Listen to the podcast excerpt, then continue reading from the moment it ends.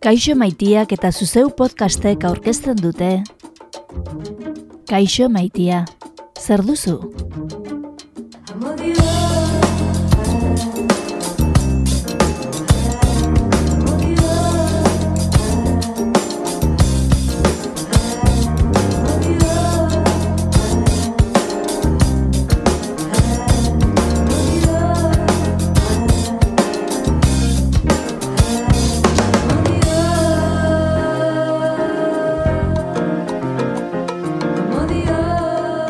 Euskaldunon harreman afektibo eta sexualei buruzko ikerketa aztergai duen podcasta duzu honakoa entzule.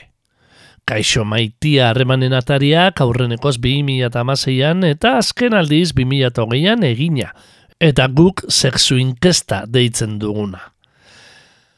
Sexu inkestak lau atal nagusi ditu, eta datozen hiru saioetan laugarren eta azkena aztertuko dugu, leialtasuna harremanetan. Horretarako, oi bezala, kaixo maitiako inigo arandia eta harremanak osasun zentru integraleko olatz beraztegi seksologo eta psikoterapeuta ditugu lagun. Ongi etorri.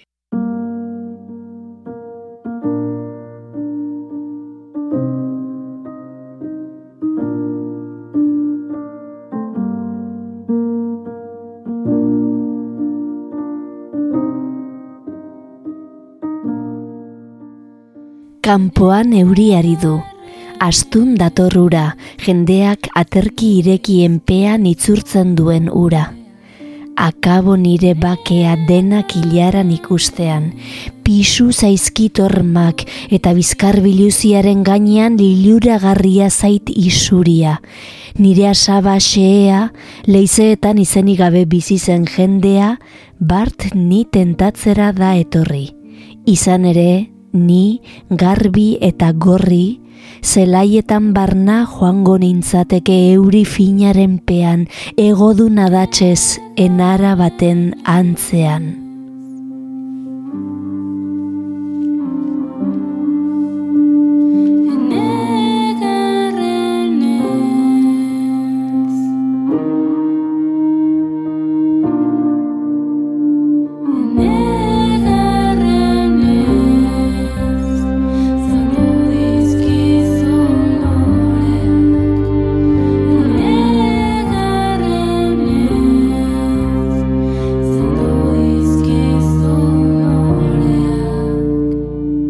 Azpitik ibilbedi zuela, Alfonsina Estorniren tentazioa entzun berri dugu.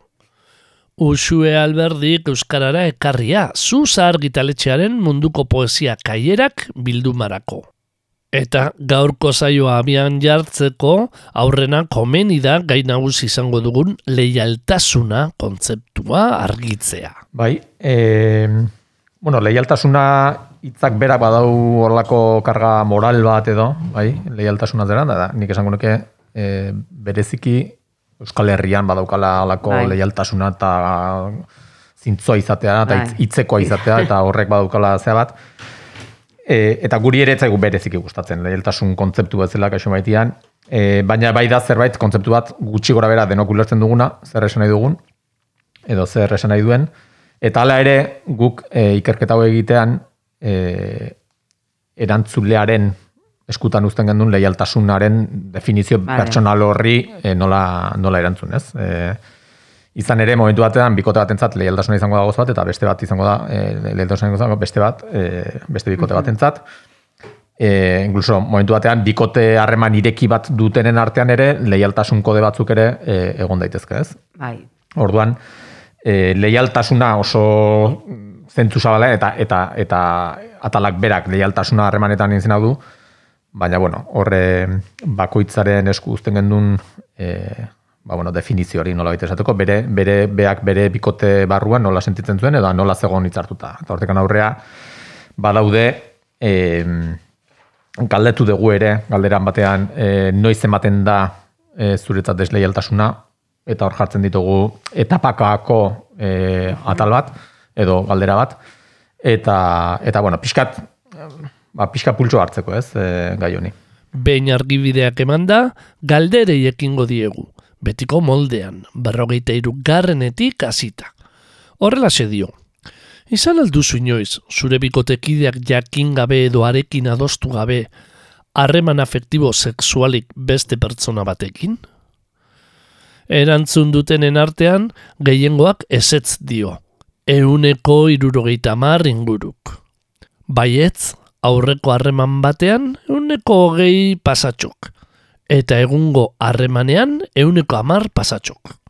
Hau da, euneko geita marretik gorak, izan du inoiz bikotekideak jakin gabe harreman afektibo do sexualik beste norbaitekin. Bueno. Bai, nik hemen, e, txiki bat, ez dakit estadistikoki erabat e, esan guduana e, zuzena den, baina bikote, oza, pertsona bakoitzak, ben esan dugu ez, egungoan edo aurrekoan eguneko hogeita marrak biak sumatuz, izan daiteke batak best, bai. hau da, izan daiteke bai egungoan eta bai aurrekoan, bai. orduan ez dira igual e, akumulagarriak.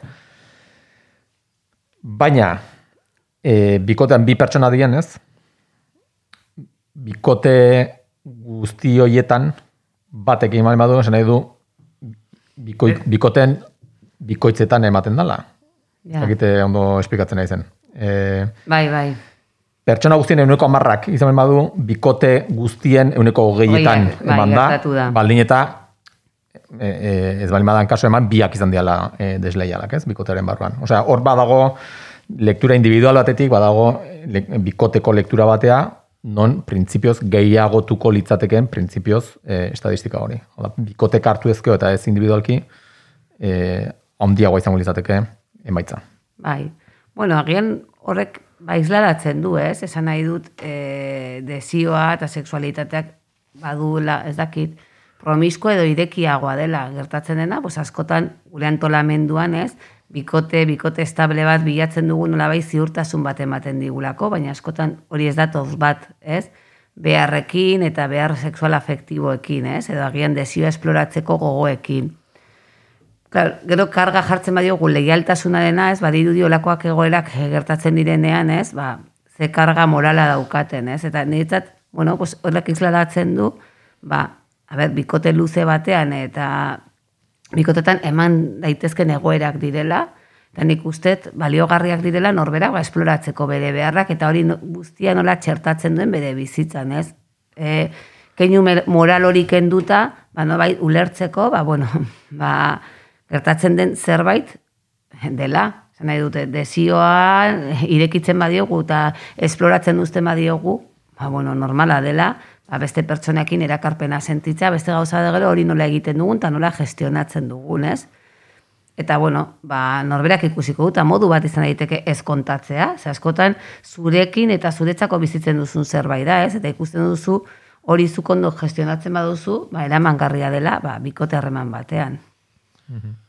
Nik uste tor klabea hori izan daiteke da desioa agian beti ez e, eta ez egunero eta ez pertsona guztiei.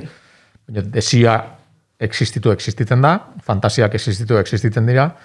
Kontua da bikote harreman batean nola gestionatzen denzun hori individualki. Eta eta nik uste hor bien arteko e, hau da bai. eta gestioaren arteko dantza da. Bai. bai. bai. Eta zuko a ber eta hori da ez beti, ez momentu ero baina egia da aukera gehiago dagola bikote harreman luze bagatean agertzea, ez? Gero ez urte gehiago, gero ez aukera gehiago duzu momentu bat krisi edo, bueno, edo desioa beste pertsona batekin agertzeko, mala da. Lau mila lagunetik gorak erantzun du galdera. Eta eren batek esan du izan duela inoiz harremanen bat bikotekidea ez denarekin. Gizonezkoen eta makumezkoen artean apenas dago, gainera bere izketarik gizonezkoen euneko amabiak izan du loturaren bat beste norbaitekin egungo harremanean. Eta emakumezkoen kasuan euneko bederatziak. Eta aurreko harremanen batean emakumezkoen euneko getairuak eta gizonezkoen emeretziak.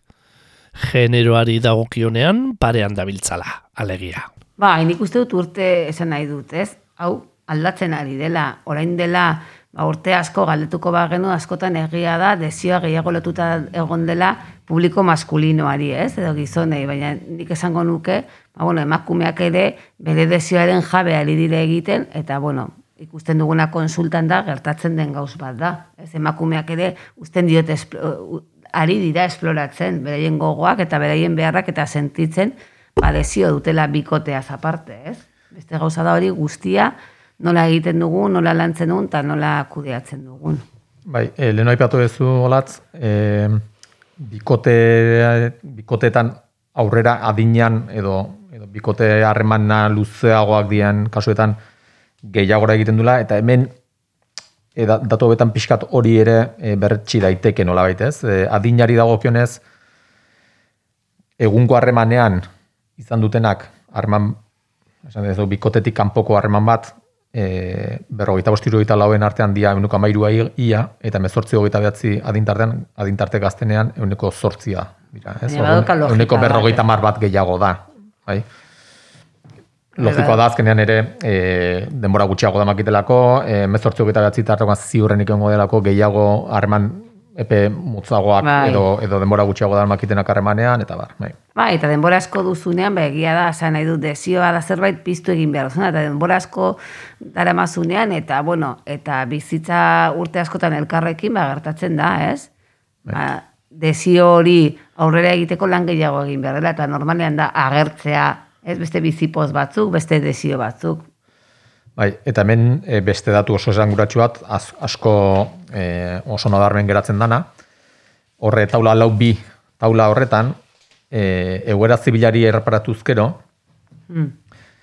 egungo harremanean dibortziatuta banatuek ez, baino aurreko harreman batean, dibortziatuta banatuen arte euneko berrogeita iruak izan du, Bueno. izan du harreman. Hau da, askotan badagoela korrelazio bat, Bai. banaketa eta e, hirugarren pertsonak edo bikotetik kanpoko sexuak, alegia, sexuaren gestio horrek, desioaren gestio Bai, badaukala horrelako eragin bat, e, izan ere, e, beste egoera zibilak ikusten bai ba, e, ba, bikoteki da gabea, bikoteki duenak eta bar, pues, uneko gehien buelta horretan geratzen da, eta bino, ba, ba, dibortziatuta banatuak askoz, askoz, Egia da, da datua. Ez? egia da, gestioa zaila eta egia da gaur egun eta gure gizartean harreman sexualak edukitzeak eh, bikotez kanpo badaukala karga bat beste ekintza batek ez duena. Ez? Eta ondorioz, banaketa asko horren ondorioz ematen dira. Baina nik uste dut hori ez dela, oza, askotan horren ondorioz dira, baina hori da iritsi den zerbait, ba, bikotean gaizk ez,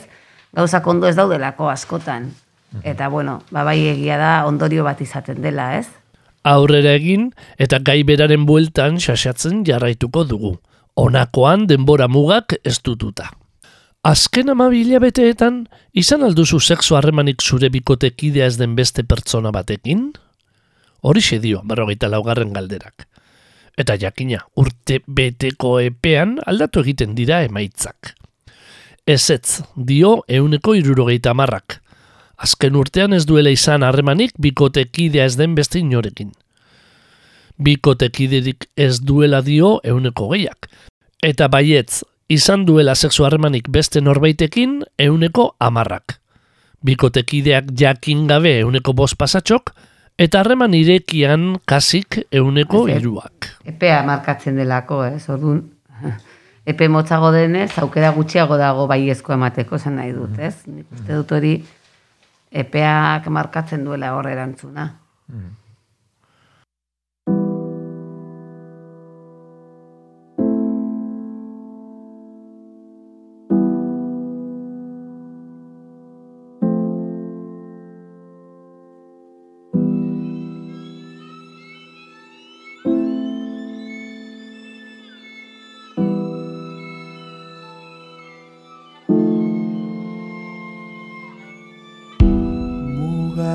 ikasteko argibideak aukera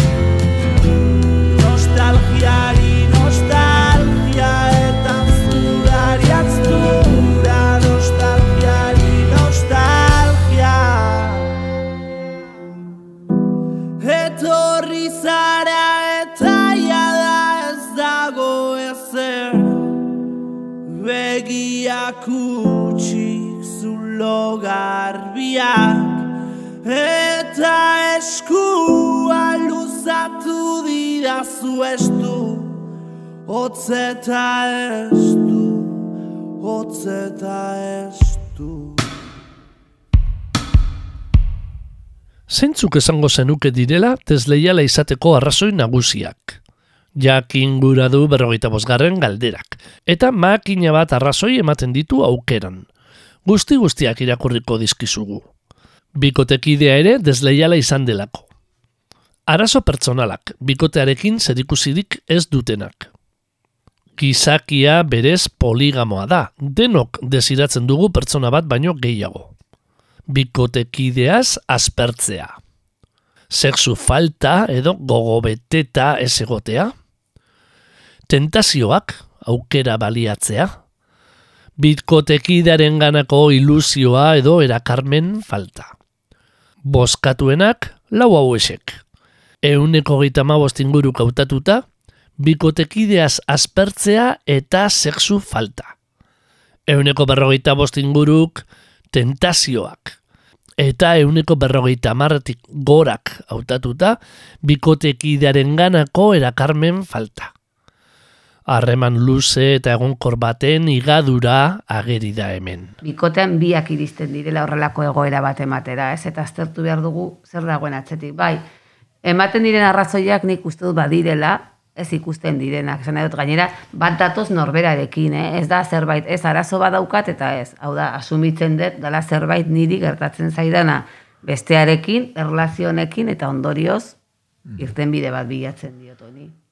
Ez dakit emendikan kanpon beste arrazoien bat osazuen esperientzitik edo azaltzen da nola rekurrentea dan edo maiz azaltzen den beste. Jo, ba, basko, ba, askotan igual ez da bikotekidearekin gaizki gaude baina agian, bai da bikote eredu bat, a ber, eh, oso perfektoa, zena dut oso perfektoa oso, eta perfekziak badauka arazo bat, ez, urte, ez, bihurtzen dela kartzel bat, ez, oso perfekto, oso bik esaten zuen, ze bikote ona, bera ze jatorrak, ze ondo, baina nola baita ez du uzten aukera esploratzeko, imperfekziorako, ez, eta orduan, ba bada ere, arrazoi bat gertatzen dena bikoteetan, ba, beste harreman batzu bilatzeko, ez? Ez nola bai pixka bat eredu hori puzkatzeko.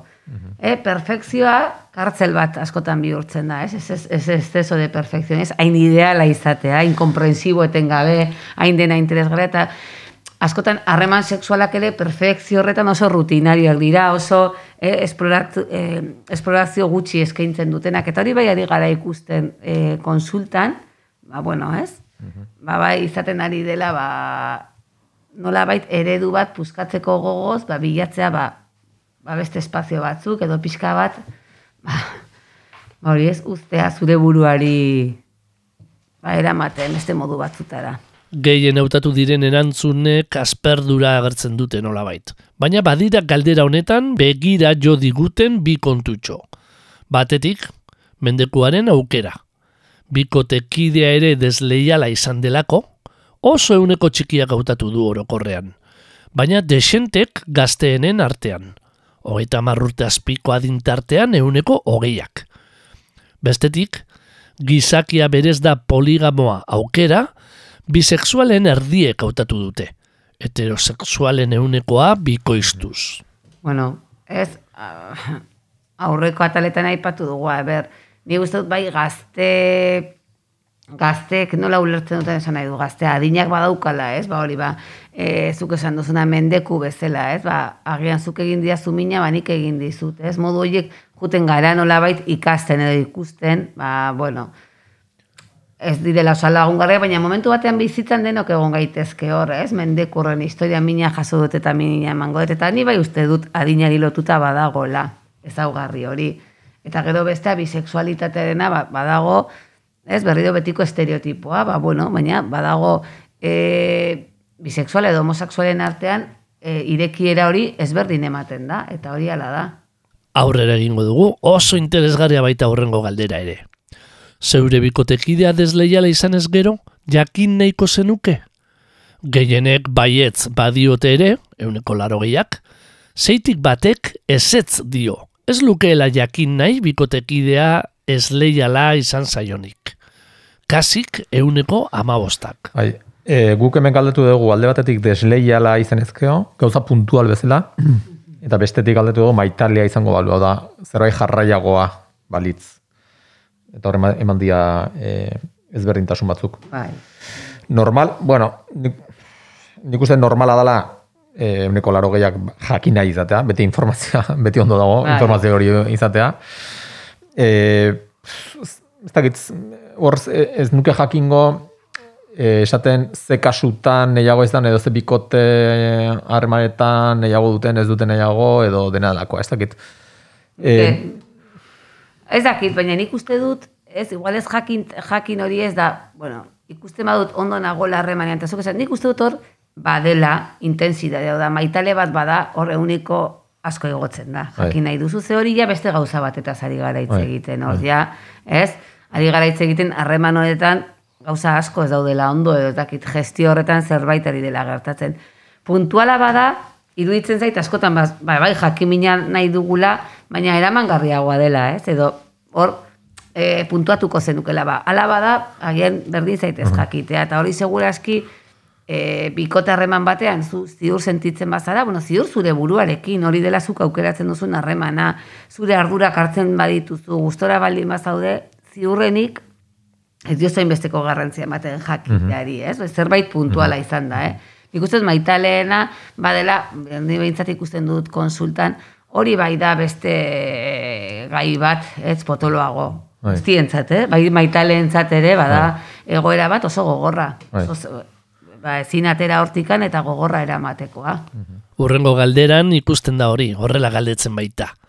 Zure bikotekideak maitalea izango balu, jakin nahiko zenuke? Gogoratu entzule aurrekoan desleiala izan ez gero galdetzen zela. Eta honakoan berriz, maitalerik izango balu. Ordukoan kasik euneko amabostak ez luke jakin gura. Eta honakoan euneko sortzi eskas batek. Nabarmen egiten du behera eunekoak. Beste modu batera esan da, euneko laro amabiak jakin nahiko luke bikotekideak maitalerik duen. Bai, bai. Bai, logiko. beste implikazio bat, logika badauka. Bai, logika dauka. E, badago hemen nik uste eta akats metodologiko bat, eta da, em, e, aurrekoak bazeukan ez dakit ez dut erantzun nahi aukera, eta honek ez dauka, hemen drastikoak izan ginean. E, nik uste hemen badagoela ba- gauza bat importantea, maitale batek suposatzen du ja ez e, agian sexuari lotutako e, jardun bat bakarrik, e, baizik eta ja emozio eta ja beste implikazio emozionalago bat e, agian ez. Eta horrek agian e, nik uste sentitu dezakela arrisku gehiago edo egungo bikote harreman hori eteteko edo ez jarraitzeko e, arrisku bat e, ezatu daitekela eta horregatik jendeak jakin nahi du gehiago ere edo ez e, Bai. Nik uste jakin, eh, hemen da gaude inkestan, eta zuk jakin nahi duzu edo ez, eta bueno, nik hemen hori niretzat pertsona badagoenan egoera horretan sekun, eh, interesgarria norberaren ez, ulertzea, ez? Ze faktore, esatzen nahi dut, ze funtzioa betetzen duen egoera horrek bere bizitzan, eta hori ulertzea. Esan nahi dut, norbera hor, konstiente egitea, ba, bueno, ba, bere bizitzan, ze momentutan, zer dela, eta pizkat irten bide bat emateko, ze egoera zaiak izaten dira denentzat. Mhm. Eta hemen adinak berriro ere, e, nabarmen, oso nabarmena laro, e, emezortzi hogeita behatzea dintartekoen euneko laro gita maseiak jakin nahiko luke. Adinak aurrera eginala jetxi egiten da. Por, e, proportzio. Hau da, berrogeita bost irurogeita laben artekoek dia gutxien, eta lare altua da, euneko laro gita seia, euneko laro gita zazpia, e, jakin nahiko luketenak. Baina adinak gora jetxi egiten da mar puntu baino. Bai? Hauxe izan da sexu inkestako laugarren atalari buruzko lehen saioak eman duena. Leialtasuna harremanetan gai izan duena. Urrengo bi saioetan bezala. Atzedenaldietan ibilbedi talde nafarraren beltxarga beltza lanberria ireki eta izten duten doinuak entzun ditugu. Eta gaurko jarduna maitale kontuekin itxi dugunez, gatibu taldearen musturrek sartunde entzungo dugu jarraian. Bizkaitar taldearen lehen arrakasta izan zen kantuak, 2002ko soramena debut lana irekitzen duenak, hori kontatzen du eta bikotez kanpo izan dako afer zutzu bat. Helduko nazela berandu Arkondari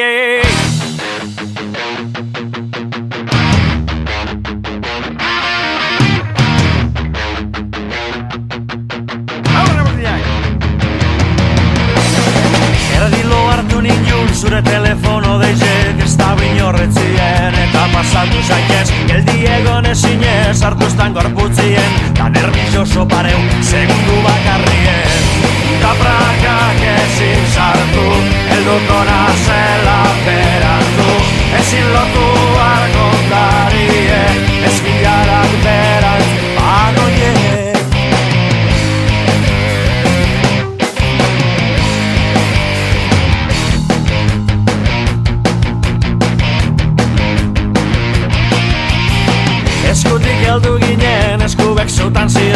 Dida gure artien, sortu zan rollo txue. Portaleko atien, lehenengo kalentoie Igo gaiu arruen, fuera loza guztizek Da prakak ezin kendu, ezin izenko dotik osaztu Ezin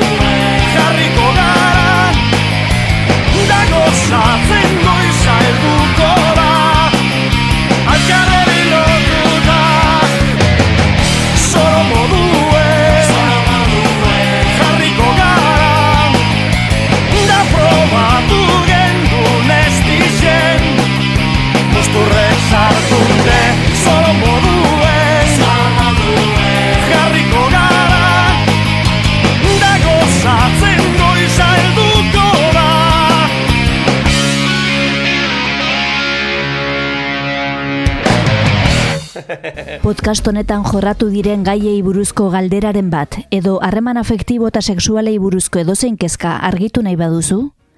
Harremanak osasun zentro integralera jo dezakezu.